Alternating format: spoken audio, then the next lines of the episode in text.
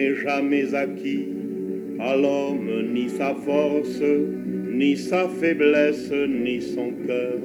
Et quand il croit ouvrir ses bras, son ombre et celle d'une croix. Teoria del trencament.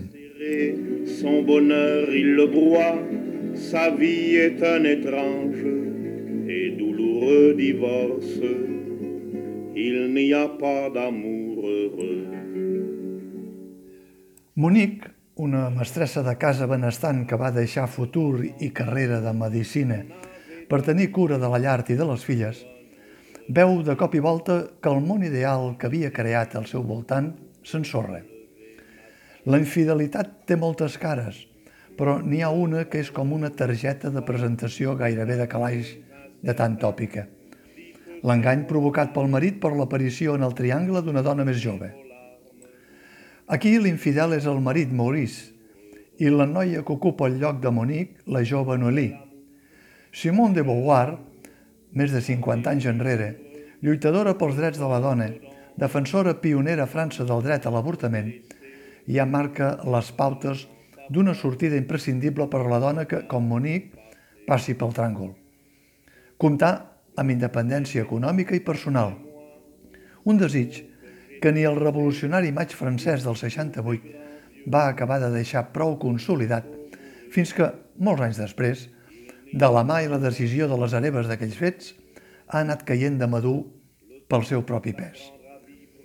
La dona trencada és un dels tres relats de la publicació original de la Beauvoir, una autora que, amb el segon sexe, provoca una pública controvèrsia que fins i tot el Vaticà recull, incloent-lo en una llista negra de llibres prohibits. Tampoc no es pot parlar de Simone de Beauvoir sense relacionar-la amb Jean-Paul Sartre, el seu company de vida i de batalla, amb qui van capitalitzar les teories de l'existencialisme de mitjan segle passat. La traducció de la qual parteix la proposta teatral de La dona trencada és de la poeta Marta Pessarrodona, i la dramatúrgia ha estat elaborada per Araceli Bruc i la mateixa intèrpret del monòleg, l'actriu Lluïsa Mallol. El quadre el tanca la també actriu Francesca Pinyon, que en aquesta ocasió hi exerceix de directora. Però la presència femenina no acaba aquí, perquè tant l'espai sonor com l'ajudantia de direcció són també de dues dones de les arts escèniques, Mar Urfila i Carol Ibars. Només repassant, doncs, la fitxa artística, es fa evident la declaració d'intencions de la proposta. L'actriu Lluïsa Mallol s'enfronta en solitari a expressar els sentiments, les pors, les frustracions i els anels de tirar endavant de la dona trencada per la ruptura de parella. I ho fa amb la motivitat que el discurs demana i amb les contradiccions de la situació, com per exemple les d'empatitzar amb la competidora pensant que en quatre dies serà aigua passada. El llit escenogràfic serveix de marc i d'embolcall. Les projeccions, de crit estripat. Es podria pensar que el relat de Simone de Beauvoir corre el perill de perdre actualitat. És així? Sí i no, però més no que sí. Entre altres coses, perquè les causes de fons del trencament continuen sent les mateixes ara que fa més de 50 anys, tot i que sí que les possibilitats, no gens fàcils encara, de sortir-se'n de les dones que s'hi troben actualment són molt diferents de les de mig segle enrere, cosa que no evita que les seqüeles del trencament es mantinguin. Aquesta és la línia que mig segle enrere traçava la Simone de Beauvoir, com si pensés en la foscor del temps de les mares de la seva generació. Beauvoir procedia d'una família d'alt nivell benestant i reflectís el raig de llum en el temps de futur de les seves filles.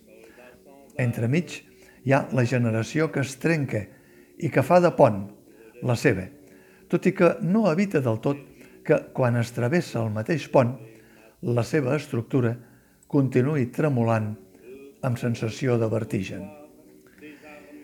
Hi deu haver pocs espectacles que, per atzar de la crisi del coronavirus, només tinguessin l'oportunitat d'una funció d'estrena, que va ser la primera i única del Teatre Nacional de Catalunya a la tardor del 2020.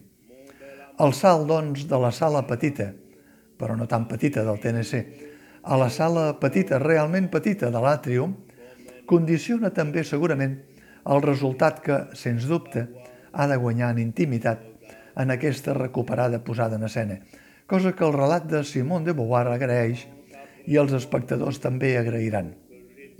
Perquè la història de la dona trencada sembla escrita i pensada per ser explicada en un espai dels que ara s'anomenen de proximitat, on les conseqüències d'un trencament sentimental adquireixen un aire de confidencialitat que també respecta molt més la intimitat de la protagonista de la ficció. Je te porte dans moi comme un oiseau blessé et cela sans savoir nous regarde passer.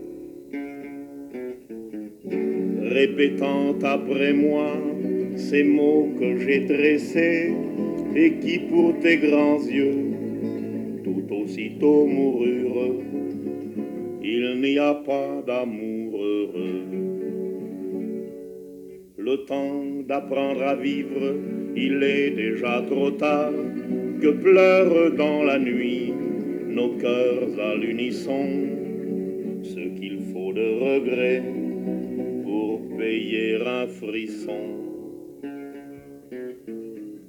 Ce qu'il faut de malheur pour la moindre chanson, ce qu'il faut de sanglots pour un air de guitare. Il n'y a pas d'amour heureux